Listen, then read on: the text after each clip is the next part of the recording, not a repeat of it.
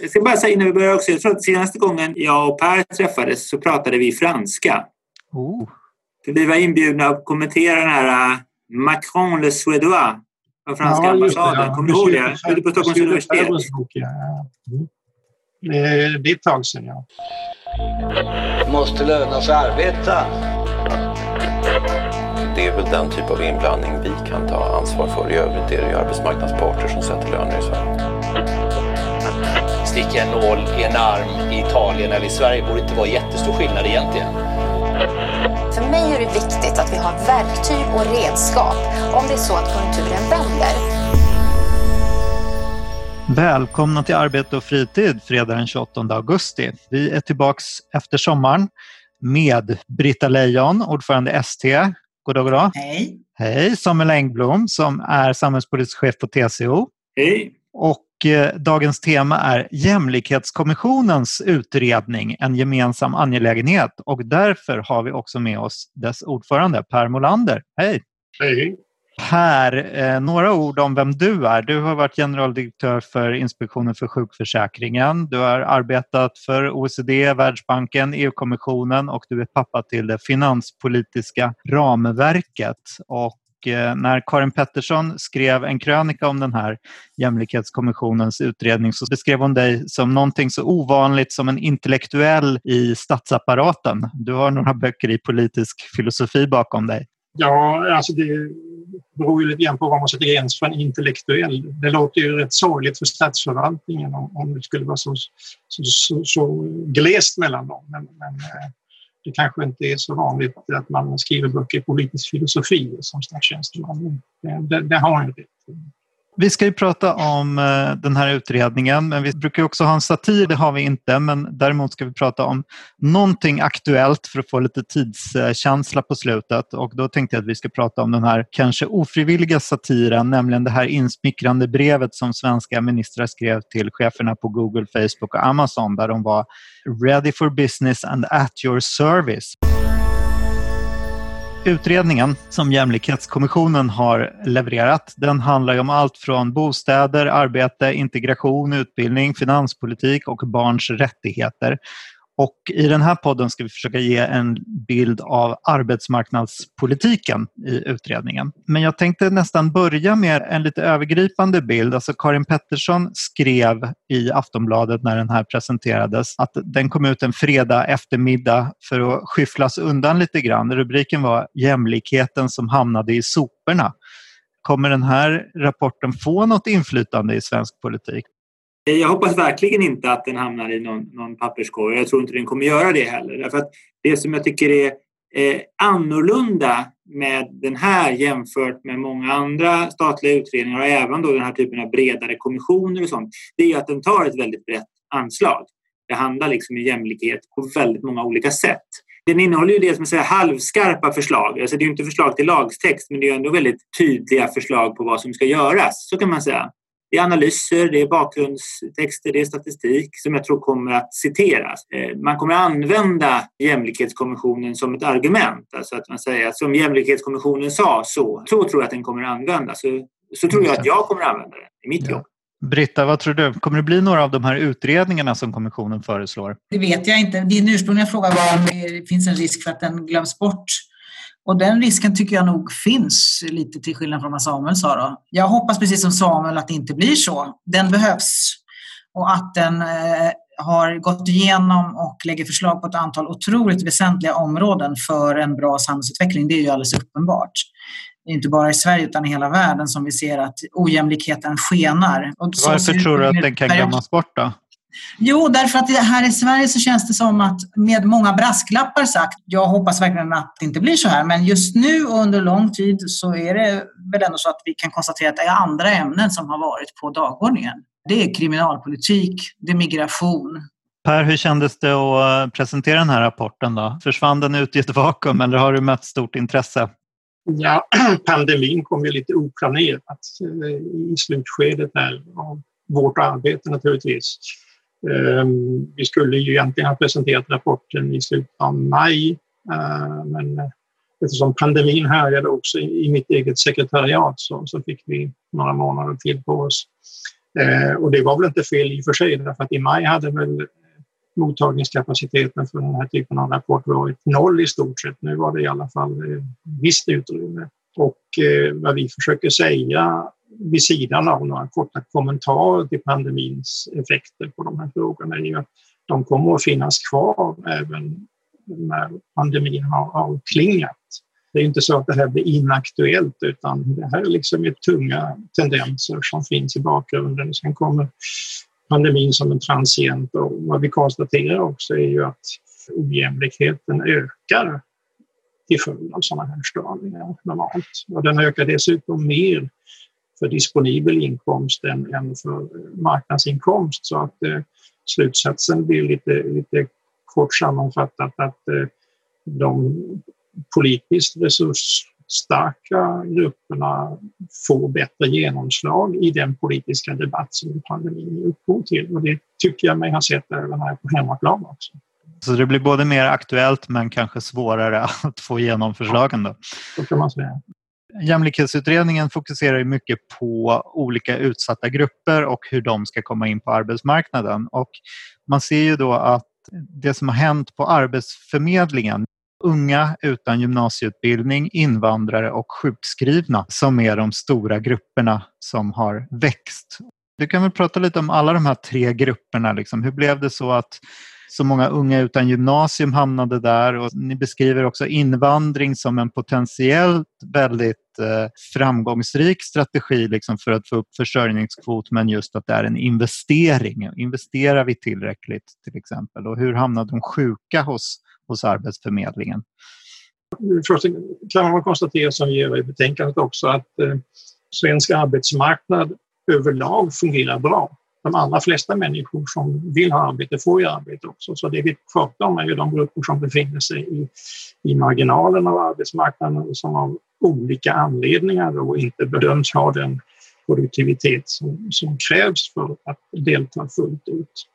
Um, och det, det, är de som du nämnde. Möjligtvis kan man också lägga till de äldre uh, som ju också är en växande grupp som, som ibland möter någon typ av åldersdiskriminering och eh, ja, vi tar det i tur och ordning, alltså unga utan gymnasieutbildning, ibland inte ens med fullbordad grundskola. Eh, de har svårt helt enkelt därför att eh, kraven på, på humankapital, som ekonomerna kallar det, alltså kunskap, färdigheter, stiger kontinuerligt på arbetsmarknaden. Så att det, det är inte så överraskande att den gruppen får det allt svårare när det gäller sjukskrivna så är det ju delvis eh, självförvållat kan man säga. Menar, det är politiska beslut som låg bakom förändringar i sjukförsäkringen. Eh, och eh, där har det uppkommit eh, som ett nytt problem att vissa människor bedöms vara eh, inte tillräckligt sjuka för att bli sjukskrivna men alltför sjuka för att delta i arbetslivet. De, de hamnar så att säga mellan, mellan två system. Och eh, vi formulerade ju så att det, det, staten bör rimligtvis ha en, en konsistent uppfattning om en människas arbetsförmåga. Så det, det talar för en, en homogenisering av definitionen av arbetsförmåga mellan eh, sjukförsäkring och, och a-kassa. När det sen gäller eh, migranterna så alltså, eh, är det ju så Eh, det, det är en, en, en, mycket stor resurs potentiellt men, men det krävs mycket arbete för att den resursen ska kunna tillgodogöras. Eh, jag har varit med rätt länge och när vi satt i slutet på 90-talet eh, funderade över den offentliga sektorns framtid så var ju ett av de stora problemen just det demografiska. En, en krympande del av befolkningen i arbetsför ålder, en växande skara äldre. Och det där ledde ju till till långa diskussioner om hur ska vi klara den här eh, försörjningen. Och man diskuterade eh, förlängd aktiv tid i arbetslivet och så vidare. Och så migration fanns ju med då också eh, för 20 år sedan. Eh, men, men den viftades bort. Det, det, det är fullkomligt otänkbart att vi får så stora migrationsflöden, att det skulle kunna lösa det här problemet, sa ekonomerna då för 20 år sedan. Eh, och sen blev alla prognoser överträffade. Men det räcker ju inte med att de finns här utan det krävs eh, mycket stora investeringar då i språkkunnande, annan färdighet och så vidare som vi beskriver i rapporten för att man ska tillgodogöra sig den här resursen. Eh, och när det gäller de äldre slutligen så har det ju gjorts en del. Eh, man, man skruvar på pensionssystemet lite grann, man försöker få locka fler att jobba längre. Men där är det på det sättet som, som alla vet att förutsättningarna att jobba vidare ser väldigt olika ut beroende på om man har haft en, en skrivbordssyssla med kanske en akademisk utbildning i botten, kommit ut i arbetslivet vid 25 års ålder eller ännu högre.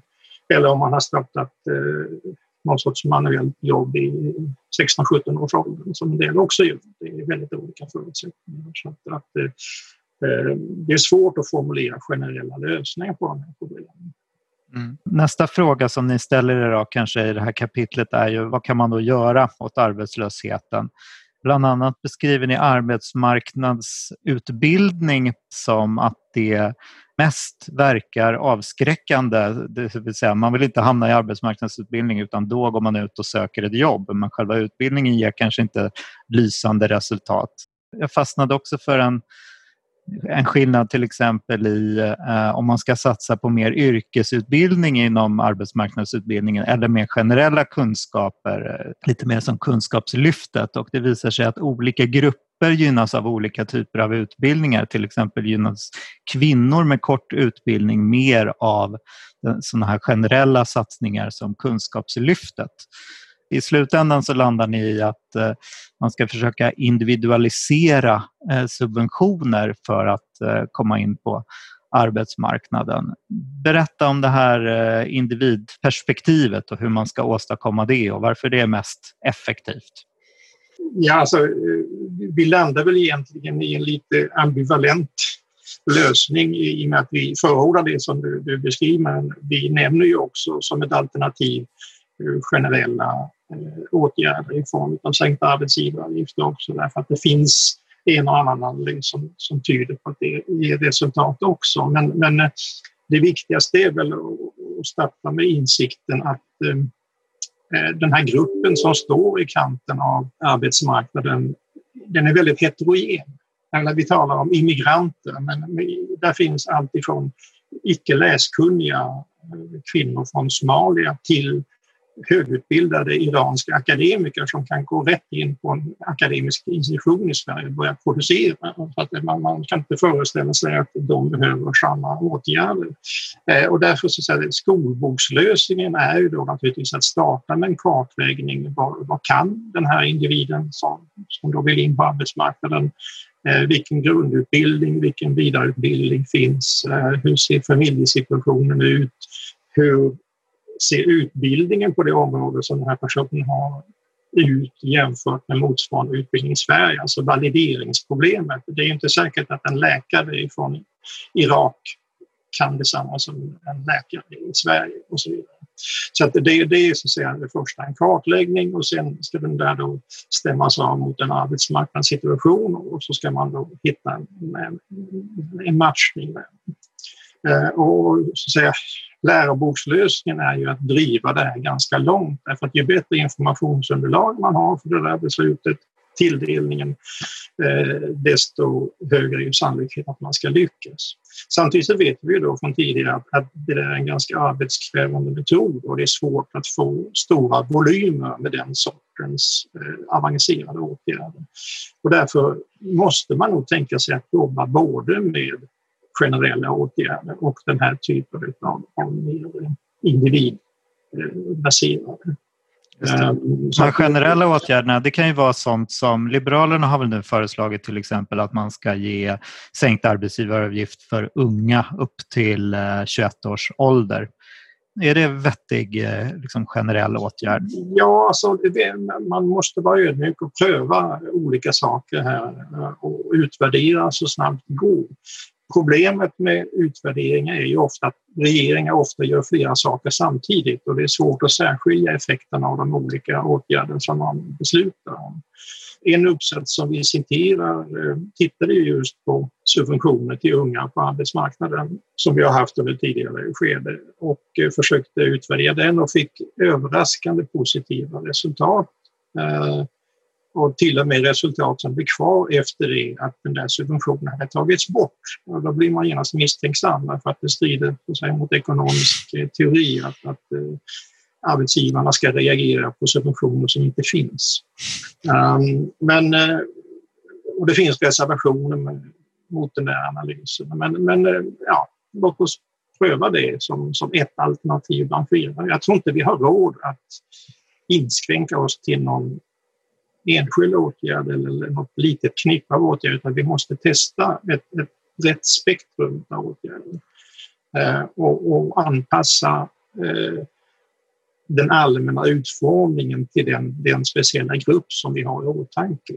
Därför att det är så, det, alltså generellt är det en väldigt hög heterogenitet på de här. Och det, det kan inte gå med någon enstaka åtgärd. Mm. Britta, dina medlemmar jobbar ju en, en hel del på Arbetsförmedlingen Mm. Du känner förstås igen de här resonemangen.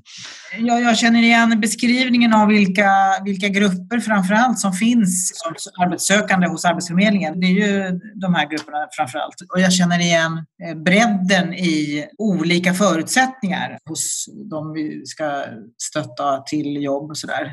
Att det liksom inte går att hitta en lösning som funkar för alla i och med pandemin så har ju också på något sätt de här behoven eh, förstärkts väldigt mycket. Apropå det här med att det alltid är ungdomarna som har kortast och svagast förankring på arbetsmarknaden som först blir av med jobben. Det är deras branscher framför allt där de har haft instegsjobb som nu har liksom eh, imploderat i hög utsträckning. Arbetslösheten liksom är uppe i rekordnivåer och den kommer att växa ytterligare under den här hösten som vi nu har inlett.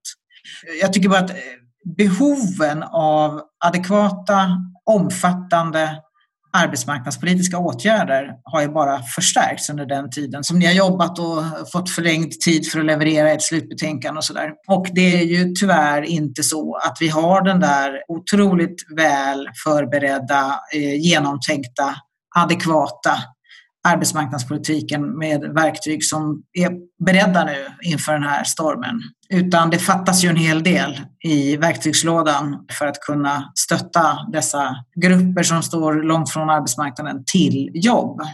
Det vi har idag är vare sig det ena eller det andra. Vi har beslutsstöd i Arbetsförmedlingen som inte ger bra förutsättningar att se individen. Vi har inte tillräckligt många arbetsförmedlare för att man ska kunna se individens behov och möta den personen. Utan tvärtom har vi ju betydligt färre arbetsförmedlare nu än vad vi hade för ett år sedan. Vilket betyder både att de inte kan ge arbetssökande det stöd som behövs och inte heller att Arbetsförmedlingens tjänstemän idag har samma bra kontaktnät med det regionala och lokala näringslivet som är en förutsättning för att Arbetsförmedlingen ska kunna göra sitt jobb. Så att just nu finns det all anledning för regeringen att kavla upp ärmarna, lyssna till kommissionens förslag, ge förutsättningar för, för både arbetsmarknadspolitiken och utbildningspolitiken. Samuel, med ett förflutet på Arbetsförmedlingen. jag, säga, jag håller helt med Per om det här att det behövs både generella och, och liksom riktade åtgärder. Sen är det väl det här att en del, ibland så blir de här generella åtgärderna alldeles, man kastar liksom nätet för grovt. Att man träffar till exempel ungdomar som ändå skulle ha anställts. Så då blir det nästan en branschsubvention till vissa branscher. Det var det som var kritiken mot den här eh, arbetsgivaravgiftssänkningen för unga. Samtidigt så är det så att, att, generella insatser de är ju enkla om de är utformade på rätt sätt. Och de kräver ju inte den här administrativa kapaciteten hos, hos Arbetsförmedlingen. Eh, och ska man då kunna göra bra riktade åtgärder, då, är det nog, då behöver man ha en mix där man också har generella åtgärder. Sen så i eh, kommissionens rapport så skriver ni bland annat om det här med profilering och att då försöka få fram vad är det den här individen behöver? Hur långt står den här personen från arbetsmarknaden? Vilken typ av hjälp? Och så sådana här riktade subventioner, utforma subventionerna utifrån det. Och det kan man säga att i den, den omdaning som pågår av Arbetsförmedlingen så är ju tanken, om man pratar med en del av januariavtalets arkitekter, att eh, då ska man göra den här profileringen först med då avancerade verktyg av olika slag som väl inte, som Britta säger, ännu inte riktigt har visat att de klarar av det. Eh, arbetsmarknadsutredningen tror jag visade på forskning där det bästa är om människa och maskin samverkar. Så en av Brittas medlemmar på Arbetsförmedlingen med ett bra beslutsstöd ska då kunna fatta ett beslut om, om eh, hur långt den här personen står från arbetsmarknaden. Och i en modell då av januariavtalet så, så ska man då dels ska sätta en prislapp på den här individen och sen tar de med sig den checken och går till den leverantör som de vill ska leverera arbetsmarknadstjänster och sen så gör de saker för att den här personen ska komma i arbete. Och en del av liksom den här kampen som pågår nu kring reformeringen det handlar ju om okay, hur mycket ska man styra det där? Eh, först vem ska göra profileringen? Är det samma eh, företag eh, som, som ska leverera tjänsten eller är det Arbetsförmedlingen som ska göra det? Det är en sån här liksom, kamp. En annan kamp är den här analysen som man gör. Ska man där kunna säga att den här personen måste gå till reguljär utbildning och så skickar de på ett annat spår. Alla ska inte till LOV-aktörerna. Ska det finnas olika arbetsmarknadstjänster? Hur många olika arbetsmarknadstjänster? Det är klart att väljer man den här första lösningen när man bara sätter en prislapp och sen skickar, sen får folk göra sitt lovval, ja, då får vi en arbetsmarknadspolitik som är väldigt svår att styra. Det blir väldigt svårt att se till att, att människor får rätt insatser. Man förlitar sig helt på att de här företagen har rätt incitament. Så det här är ju liksom en, ett av de stora dilemmana nu i reformeringen av Arbetsförmedlingen ligger just i det.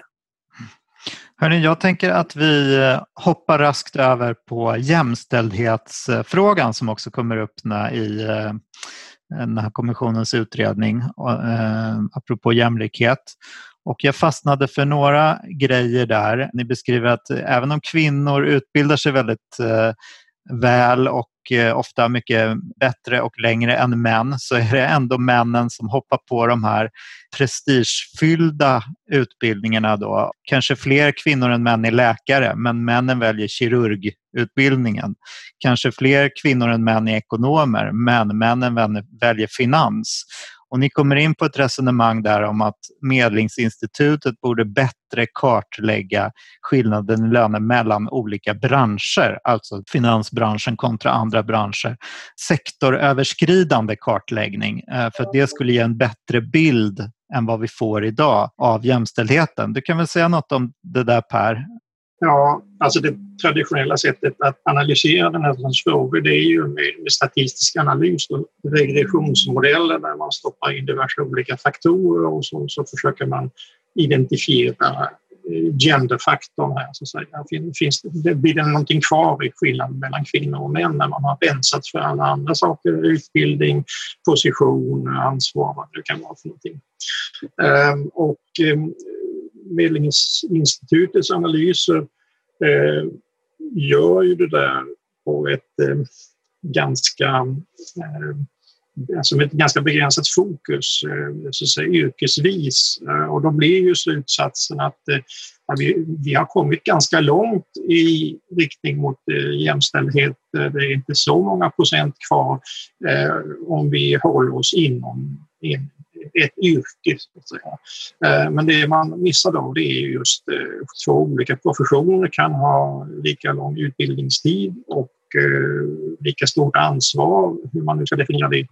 Men om den ena är kvinnodominerad så finns det en tendens att, att den professionen har sämre betalt. Mm. Ehm, så att, att det handlar rätt mycket om det allmänna angreppssättet när man diskutera de här frågorna. Sen finns det ju en ännu vidare perspektiv, nämligen på inkomster generellt. Och det skriver ju en del om i rapporten. Eh, inkomster består ju både av inkomster från arbete och inkomster från kapital. Eh, och när det gäller kapitalinkomster så är männen eh, oerhört gynnade och har blivit än mer så under senare år. Det är ju själva verket så att, att det gap mellan kvinnors och mäns medelinkomster som, som tidigare minskar eh, stadigt. Det, det, har legat konstant nu under den senaste tioårsperioden. Och det, huvudförklaringen till det är just eh, de ökade kapitalinkomsterna som, som eh, gynnar män mer än kvinnor. Så att, att det, det, krävs ett brett perspektiv på det här när det gäller även så säga, den, den rena inkomstvariabeln. Sen när vi diskuterar förutsättningar, eh, som vi ju gör egentligen väl så mycket som utfallsvariabler, så handlar det ju om familjesituation, ansvar i hemmet, eh, tillgång till barnomsorg på obekväm arbetstid och så vidare. Alltså det, det, det, är ju liksom det breda spektrumet av åtgärder som, som måste in i jämställdhetspolitiken. Eh, inte något väldigt snävt fokus just på mäns och kvinnors löner. Just det, för ni är inne på det väldigt mycket. Ni föreslår mer förskola på obekväm arbetstid och nätter och så här och eh, ni pratar om eh, vikten av förskola och äldreomsorg för att det är ju främst kvinnor som tar hand om äldre och barn annars eh, så för att de ska komma in på arbetsmarknaden och få jämlika villkor. Jag var på ett seminarium igår på, som LO arrangerade som pratade just om marginalskatters betydelse för att vi ska gå till jobbet. De vill ju gärna vända det då till att marginalskatterna är inte så viktiga utan det handlar egentligen om eh, just det här med välfärd, att den fungerar för att arbetskraftsdeltagandet ska bli högt, det vill säga att kvinnor ska gå till jobbet. Är det en bild som du delar? Jo, alltså jag delar den bilden som du skissade nyss. Eh, den, den, traditionella ekonomiska modellen för det här är ju att man har en avvägning mellan arbete och fritid. Arbete är något obehagligt som man tar på sig för att tjäna pengar som man kan spendera på sin fritid ungefär. Och eh, så gör man en avvägning på marginalen där om man ska jobba en timme till per vecka eller inte.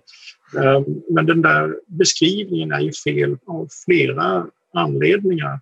Eh, för det första så är det inte så att arbete är något otvetydigt ont som människor tar på sig för att kunna tjäna pengar och ha kul på sin fritid, utan alla undersökningar av, av människors eh, levnadsvillkor visar ju på att för de allra flesta är arbetet en tillgång. Det ger sociala sammanhang, det ger kamrater och, och struktur och vardagslivet som man inte klarar sig utan. Så att redan där blir det fel. Men, men dessutom är det ju så att människor sitter på marginalen och reglerar sin arbetstid efter skatteskalor och så vidare. Eh, de som jobbar deltid gör det ofta därför att de är tvungna att jobba deltid, antingen att de inte får ett heltidsjobb eller att familjesituationen kräver och då är det oftast kvinnan som så att får dela på sin, på sin tid mellan eh, arbetet arbete till förmån för familjen. Eh, Dessutom, alltså, alltså om man tittar på hur arbetsutbudet faktiskt ser ut i Sverige och andra länder eh, så har man ju en topp kring full arbetstid i vårt land, alltså 40 timmar per vecka ungefär. Eh, och om den ekonomiska modellen vore korrekt så skulle det vara extremt gynnsamt att jobba just 40 timmar, vilket det inte är. Man jobbar 40 timmar därför att det är det som förväntas av en, en heltidsanställd. Eh, så att det finns en norm, en heltidsnorm. Och eh, om man sen ruckar lite på skatten eller på lönen eller något annat så kommer inte människor avvika automatiskt från den här 40 timmars normen för det. Den är väldigt stark. Utbildning då? Ni föreslår ju kraftigt utökad vuxenutbildning och pratar också om att man kanske ska få plugga medan man får a-kassa och ni pratar också om såna här kompetenskonton där eh, liksom arbetsgivare, kanske staten och kanske den löntagaren tillsammans bidrar. Varför behövs det här?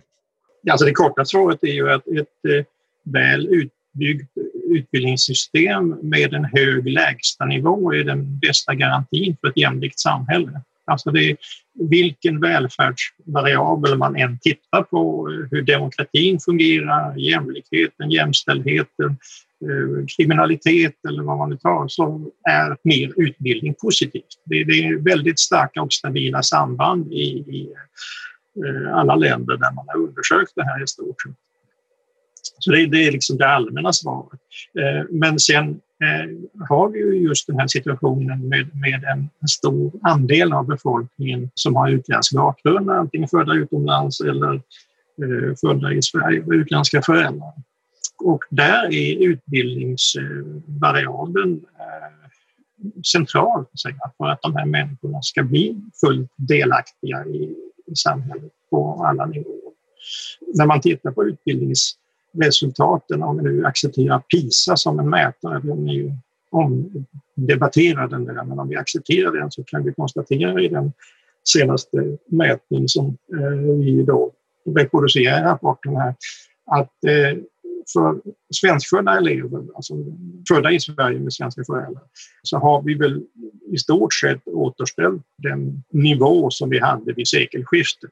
Så det, det har gjorts en massa insatser nu under ett antal år för att förbättra situationen i skolorna och det, det verkar liksom ha klarat av huvuddelen av de problem som vi såg vid sekelskiftet för de, de svenska eleverna. Sen finns det en kategori utrikes födda och de har under senare år tenderat att vara allt äldre när de kommer till Sverige. Och då sjunker utbildningsresultaten och det, det är att förvänta därför att eh, kommer man in i, i tonåren i skolan ska lära sig ett helt nytt språk och, och, ta igen kanske förlorade år som man har tillbringat i eh, krigssituationer eller krigsliknande situationer, då, då kan man inte förvänta sig att man klarar gymnasiekompetens på normalt tid. Men det som är oroande i de där kurvorna i Israel det är att den del utav, av de här unga som är född i Sverige men har utländska föräldrar, deras resultat sjunker kontinuerligt under den här 20-årsperioden. Och det är en indikation på att vårt skolsystem inte har klarat av att ta om hand den här kategorin. Eh, alltså vi, vi, har ju sett exempel på elever som lämnar grundskolan efter nio år, födda i Sverige, som kommer ut som analfabeter. Och det, det, det är ett eh, stort misslyckande för utbildningssystemet. Eh, och, och slutsatsen måste vi, vi, vi måste öka den här investeringen särskilt för den kategorin. Sen finns det också de andra som vi nämnde tidigare, elever som av olika anledningar har misslyckats i skolan, kanske lämnat grundskolan utan ett komplett betyg och, och än mindre lyckats ta sig igenom en gymnasieutbildning. Men eh, som helhet så krävs det en investering på det här området. Och en del av det måste då komma i vuxen ålder eftersom den här kategorin har den åldersfördelning som de har.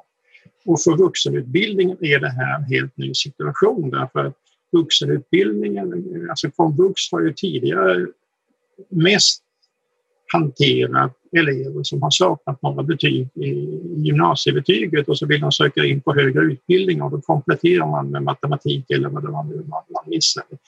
Det är en helt annan population som komvux har att ta hand om nu. Alltså utrikesfödda, ofta med en mycket svagare bas än, än, än den som Eh, den tidigare elevkategorin hade och helt andra volymer. Så att, mm. att de ansvariga för komvux idag, Eh, de, de ser mycket stora problem så att säga, med dagens organisation och med dagens resurser.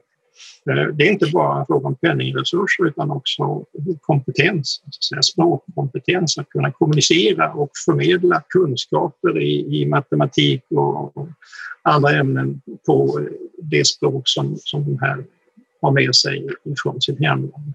Det, det, det, det är en väldigt stor uppgift som, som vi står inför där. Men å andra sidan, om vi lyckas med den så, så har vi en, en oerhörd resurs på vår arbetsmarknad under decennier framåt. Mm. Här skulle jag vilja lägga till att vi har ju betydligt mer erfarenhet av att utbilda eh, alltifrån analfabeter till andra grupper eh, genom de svenska folkhögskolorna. De 150 folkhögskolor som finns runt om i landet har ju faktiskt under en längre tid arbetat med just de här målgrupperna vi pratar om nu. Eh, men sen också för, för den föränderliga arbetsmarknad och de, som vi har, liksom även för folk som har, har haft utbildning och funnits inom en bransch. Jag menar, coronapandemin visar med önskvärd tydlighet att det finns folk vars kompetens plötsligt inte längre är så himla gångbar därför att branschen man förut jobbade i plötsligt inte finns kvar längre. Och då måste vi också av det skälet ha många goda möjligheter till vuxenutbildning och till lärande vid flera tillfällen under livets gång. Jag tänkte säga något om socialförsäkringar också. Ni är ju inne på det en hel del i utredningen att trots ökande reallöner så har nivåerna i eh, socialförsäkringarna gått bakåt. Och istället så kompenserar då facken med inkomstförsäkringar till exempel eh, vilket slår eh, lite orättvist, är ni inne på. Ni är kritiska mot den här utvecklingen och som jag förstår det tycker att att eh, socialförsäkringarna måste hänga med eh, lönerna. Eh, varför då? Det låter inte som arbetslinjen direkt. Det är i högsta grad arbetslinjen. Om vi ska göra en utvikning av just den termen så är det så att arbetslinjen är en gammal socialdemokratisk term som betyder just att man kvalificerar sig för de sociala försäkringarna genom att arbeta. Att man inte har automatiskt rättigheter genom att vara medborgare utan det är genom att arbeta som man eh, blir berättigad till sjukförsäkring och så vidare.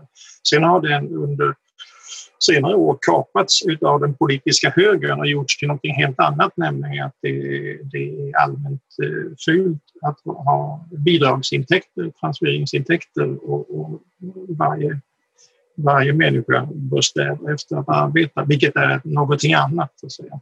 Men, men bortsett från det, det här går ju tillbaka, som vi skriver i, i rapporten, på en, en gammal historisk kompromiss mellan arbete och kapital, nämligen att löntagarorganisationerna accepterade en ganska smärtsam frihandelslinje i den ekonomiska politiken i utbyte mot ett väl utvecklat socialförsäkringssystem som kunde ta om hand de eh, personer, hushåll som, som hamnar i kläm när man får den snabba strukturomvandling som en frihandelsorienterad politik eh, genererar.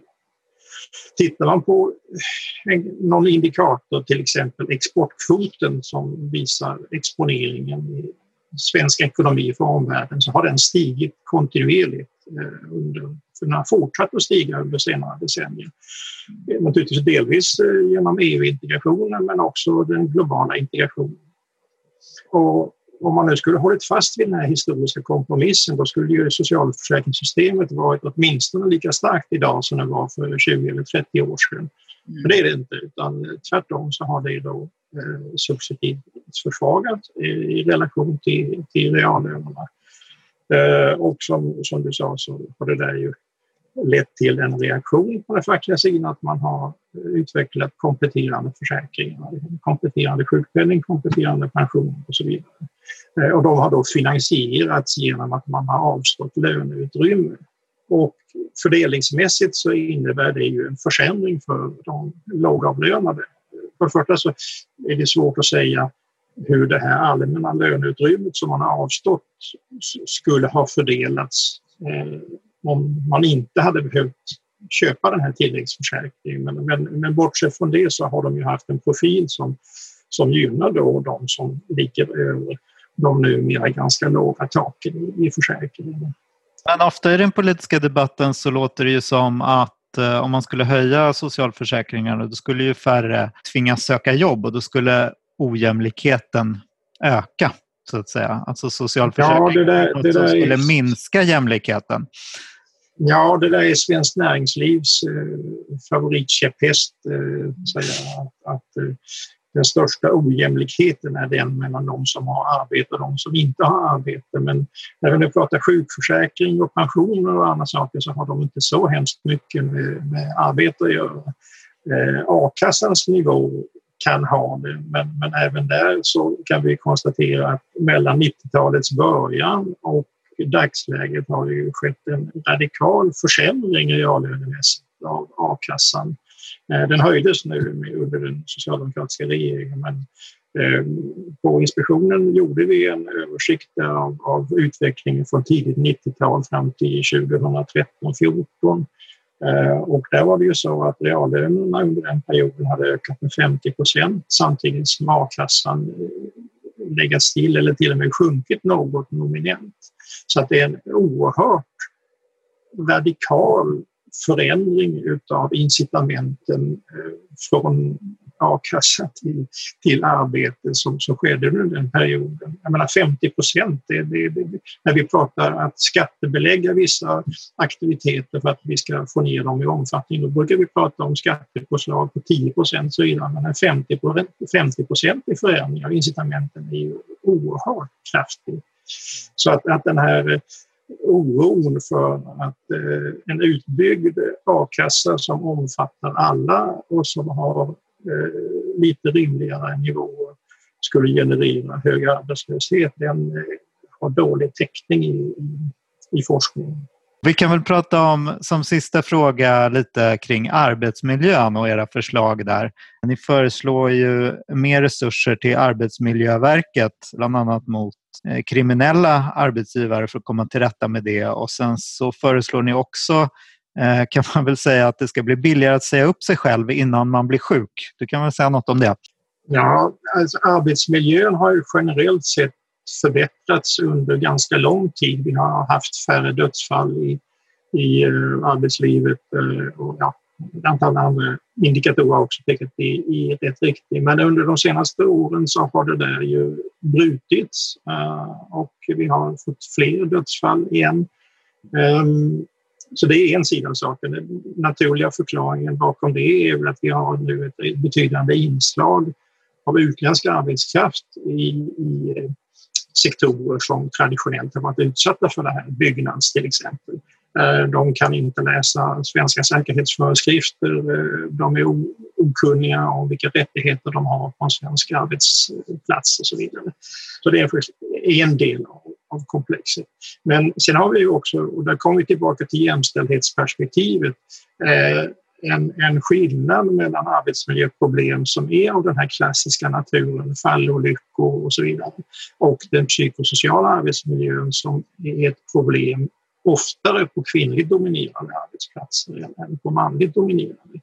Under min tid på, på inspektionen så analyserade ju bland annat eh, arbetsskadeförsäkringen och det, det problem som, som ligger i att kvinnor tycks ha svårare att få eh, arbetsskadeersättning. Och förklaringen som vi hittade var just den att, att man, man har inte forskat om, man har inte samma kunskap om Eh, arbetsmiljöriskerna på kvinnligt dominerade. Det är så att säga inte fel på handläggarna på Försäkringskassan utan det är kunskapsunderlaget bakom som, som förklarar det. Så att det är ytterligare en utvidgning som behöver ske och den har i och för sig redan börjat på Arbetsmiljöverket. Man är medveten om det här och ökar sin kompetens på, på den fronten. Sen har vi då det tredje problemet som du tangerade i din fråga eh, och det är vad man skulle kunna kalla för multikriminella arbetsgivare, alltså arbetsgivare som, som bryter både mot skattelagstiftning, arbetsmiljölagstiftning och annat. Och där är ju huvudåtgärden ett förbättrat informationsutbyte mellan myndigheter som har kunskap om det här, alltså polis, ekobrottsmyndighet, arbetsmiljöverk och så vidare. Och där är det tyvärr fortfarande så att Arbetsmiljöverkets och de andra myndigheternas arbete hindras av sekretessbestämmelser, alltså hinder för informationsutbytet som, som försvårar arbetet. Eh, det pågår en del pilotverksamhet för att undersöka eh, möjligheten att, att öka det här utbytet men, men det krävs en, en förändrad lagstiftning för att det arbetet ska bli effektivt och den här typen av arbetsgivare elimineras ifrån arbetsmarknaden. Vi ser ju också, det är ju inte helt okänt, men ändå, vi ser ju också att kriminella aktörer eh, ju i de senaste åren i högre grad också har gjort medvetna attacker mot socialförsäkringssystemen, mot bidragssystemen, mot, både, både mot det som man via Försäkringskassan och Arbetsförmedlingen kan få. Och att vi ser också att man inte drar sig för att direkt hota enskilda statstjänstemän för att få igenom det man vill och eh, försöka hindra korrekta myndighetsbeslut. Så att, eh, och här, här finns det också åtgärder som måste vidtas eh, från arbetsgivarnas sida och från lagstiftarens sida för att, för att skydda korrekta myndighetsbeslut. Samuel, var det något du hoppade till på i den här utredningen? Nej, men vi kan, så, så, kan man, frågan om obligatorisk a-kassa kan man givetvis diskutera. Vi mm. Eh, har ju sagt att vi tror inte att det är vägen framåt. Men sen säger jag, men här är en lite annan argumentation också kring obligatorisk a-kassa i den här eh, utredningen jämfört med den som har förekommit på andra håll i debatten. Där det, det handlar så förstår jag om liksom, samspelet faktiskt med en del andra försäkringar och sånt. Så att, eh, eh, det, finns, det finns väldigt mycket här som jag hoppas att vi kommer prata eh, länge om. Att Karin Pettersson på Aftonbladet Eh, får fel. Just det. Jag tänkte vi skulle ha en liten tidsmarkör även i den här podden. Det var ju så att eh, ett gäng ministrar, Mikael Damberg, Ibrahim Baylan och Isabella Lövin, de är ju väldigt sugna på att det ska komma många sådana serverhallar till Sverige och etablera sig här. Och då skrev de ju ett eh, ganska roligt brev till cheferna vid eh, Amazon, Facebook och Google eh, där de skrev att Eh, vi är beredda att eh, göra mycket för att ni ska komma hit. Vi är redo för business och står till er tjänst. Jag tyckte att det här var en värdig, eh, lite ofrivillig satir nu när vi inte har någon satir. Hur reagerade ni på det här eh, brevet och det här avslöjandet om eh, att eh, de här företagen får sänkt eh, energiskatt till exempel? Den där formuleringen är ju anmärkningsvärd för att uttrycka sig milt. Jag hoppas att de inte bara är redo för business utan att de också är redo att stå upp för schyssta villkor på svensk arbetsmarknad. De här företagen är inte direkt kända för att respektera fackliga rättigheter och eh, eh schyssta villkor på jobbet. Så att jag hoppas ju att våra svenska ministrar eh, faktiskt inte bara är beredda att eh, göra business med och vara till tjänst för de här globala eh, jättarna utan att man faktiskt är beredd att stå upp för de värderingar som råder på svensk arbetsmarknad och som vi måste kunna kräva av arbetsgivare även om de råkar vara globala företag. Men jag tänker att det är en väldigt liksom, naturlig del av en regerings arbete givetvis att försöka locka företag till Sverige. Och det är ju bra att man försöker göra det. Eh, och jag kan förstå också lockelsen och poängen i att försöka locka företag som eh, beskrivs som framtiden och som väldigt framgångsrika eh, till Sverige. Sen är det ju liksom då priset för det man får fundera på. Eh, jag vet att det finns en diskussion om hur många jobb den här typen av serverhallar egentligen skapar. Eh, den diskussionen finns ju, att det inte är inte forskning och utveckling som man lägger här utan det är andra saker. Men sen är det det här med alltså särskilda villkor som man ger då. Och det där är ju lite, Eh, kan ju vara lite farligt därför att man riskerar att snedvrida konkurrens. Dels finns ju det att man då internationellt kan delta i ett race to the bottom men också att eh, när den här typen av företag vill etablera sig, som i, i några fall, om vi tar eh, Amazon, det är ett postorderföretag. Ett glorifierat postorderföretag. Och då är det klart att då ska, inte de, då ska ju de, om de kommer till Sverige, konkurrera på samma villkor som alla andra postorderföretag.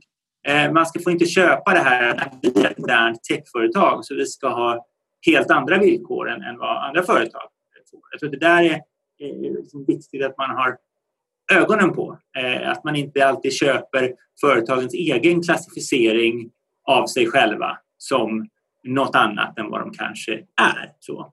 Eh, och sen instämmer jag med Britta, så det, här, det intressanta blir då när sådana här företag kommer till Sverige, eh, kommer man då Eh, följa de regler som finns här, kommer man teckna kollektivavtal? Och där finns det ju faktiskt en, liksom en ganska positiv historia om men, Huawei, det var första gången som jag förstått att de tecknade kollektivavtal, eh, kom till Sverige. Jag är så gammal så jag minns när Toys R Us kom på 90-talet och det var ju en här, symbolkonflikt därför att det utmålades också då som ett amerikanskt företag som aldrig tecknade kollektivavtal, kom till Sverige, Eh, möttes av en stridsåtgärd och fick eh, ge sig ganska fort och, och blev sen inlemmat i den, i den svenska modellen. Eh, så, så länge vi klarar det, alltså så länge man kommer hit och verkar på samma villkor som andra företag, då är det inte något problem. Men det är ju om, om man liksom kräver att särbehandlas, då finns det anledning att, att vara väldigt kritisk till, till hur man eh, liksom till att man försöker, om man, om man försöker locka hit andra företag med det. Men det tycker jag ändå inte att den svenska regeringen verkar ha gjort. Jag förstod att eh, Google Google på, nej, Amazon lobbar om vissa skatteförändringar där Finansdepartementet hänvisar dem till, till Skatteverket och säger att det här är ingenting som vi lägger oss i. Man verkar ändå klara av att hålla de här gränserna. Man hade väl fått eh, subventioner då, 140 miljoner eh, för de här 56 jobben och sen sänkt elskatt men det var klart, det gäller inte för ett företag. Att vi är så förvånade över att eh, Sveriges regering är så oerhört sugen på att få hit investeringar. Att vi är ju bäst i Sverige på att liksom sänka bolagsskatten och vi visar väl inte direkt framfötterna för att komma åt internationell skatteflykt heller. Alltså det finns ju ett väldigt svenskt driv för att det ska vara billigt att ha sitt huvudkontor här om man är ett storföretag. Jag tänker på de här reglerna kring beskattning också som förs fram nu att eh, man ska skatta i det land där man har omsättning. Den här rollen som Sverige har som ett litet land som kämpar för stora företag ska ligga här lite till vilket pris som helst. Det är kanske inte den bilden man är van att se, men den är väl väldigt reell. Så vi, vi berör ju det där på några punkter i rapporten. Eh, för det första när det gäller villkoren för investeringar i Sverige generellt så ligger vi i världstoppen. Eh, Forbes, eh, amerikanska finansinstitutet, Eh, satte ju Sverige på första plats år 2017 i hela världen eh, Och i Världsbankens ranking eller World Economic Forum så ligger vi eh, alltid på en tätplats. Så det beror ju på att, att företagens bedömningar, de här ratingföretagens, bygger på en massa olika saker. Infrastruktur, arbetskraftens utbildningsnivå, fred på arbetsmarknaden och sådana saker. Och när man lägger ihop de där sakerna så kan ju en eventuellt högre skattenivå eh, faktiskt eh, kompenseras mer än väl av de andra faktorerna. Eh, så att, att eh, det här talet om att vi måste göra eh, villkoren för företagandet bättre i Sverige ter sig lite svårmotiverat mot den här bakgrunden av att vi redan ligger på en tät position globalt sett, i synnerhet i Europa. Eh, men vad det illustrerar det är ju också det som vi skriver om på ett annat ställe i rapporten, nämligen eh, globaliseringens eh, olika effekter på arbete och kapital. Alltså kapitalet är ju mycket rörligare än arbetskraften. Så att när ekonomin globaliseras så förändras maktbalansen mellan arbete och kapital. Alltså 10 000 arbetare kan ju inte tåga upp till Sveriges regering och säga eh, om vi inte får de här villkoren kommer vi flytta till Malaysia. Det är inte trovärdigt som hot. Men kapitalet behöver inte prata, det behöver inte bostäder och det behöver inte allting annat som en människa behöver. Så att, det, här finns en, en asymmetri här och den har blivit allt mer uttalad i den här globaliseringen som har pågått nu. Under det. Nu har Sveriges fackliga organisationer lyckats förhållandevis väl med att behålla arbetets andel av det totala mervärde som produceras i Sverige hittills. Men, men eh, det är inte säkert att det håller i sig i framtiden. Och som vi skriver på några av de allra sista sidorna då i själva huvudtexten, det finns ju investeringar av olika typ. Om vi förenklar det väldigt, investeringar i maskiner, investeringar i humankapital. Och då är det så, visar en forskningsrapport som vi citerar, att investeringar i humankapital karaktäriserar jämlika länder medan ojämlika länder tenderar att investera mer i maskiner och byggnader. Eh, så att, att väldigt renodlat kan man säga att valet står mellan de här huvudvägarna. Så en jämlik eh, utvecklingsbana där vi bygger framför allt att utbilda människor och att, att öka kunskapsvolymen i samhället och en som eh, reducerar den humana komponenten och, och lägger mer pengar på, på maskiner och byggnader. Det är bara att välja. Vad härligt. Jag tror att vi är klara med dagens podd. Per, stort tack för att du var med. Vad härligt att ha med en så allround eh, samhällsvetare i det här programmet. Jätteroligt. Verkligen. Och vilka fantastiska slutord. Mm. Det är otroligt, otroligt viktigt det du säger på slutet tycker jag eh, om liksom, teknikutvecklingen och globaliseringens eh, att maktförhållandena förändras och vilken enormt eh, svår men viktig uppgift vi har i fackföreningsrörelsen framöver. Vi klarar inte själva, men vi ska göra vad vi kan. Eller hur Samuel? Det ska vi. Vi hörs igen om två veckor och eh, under tiden så ska man naturligtvis prenumerera på podden så man inte missar några avsnitt. Och eh, vi eh, är väl så duktiga numera så att vi kommer att lägga ut vem som ska vara gäst kanske någon dag innan så man får passa på att ställa lite frågor. Så följ oss på Facebook också så får man den uppdateringen så kan man passa på att vara med lite själv i podden om man vill komma med inspel. Det var det. Tack för idag. Tack själv. Tack.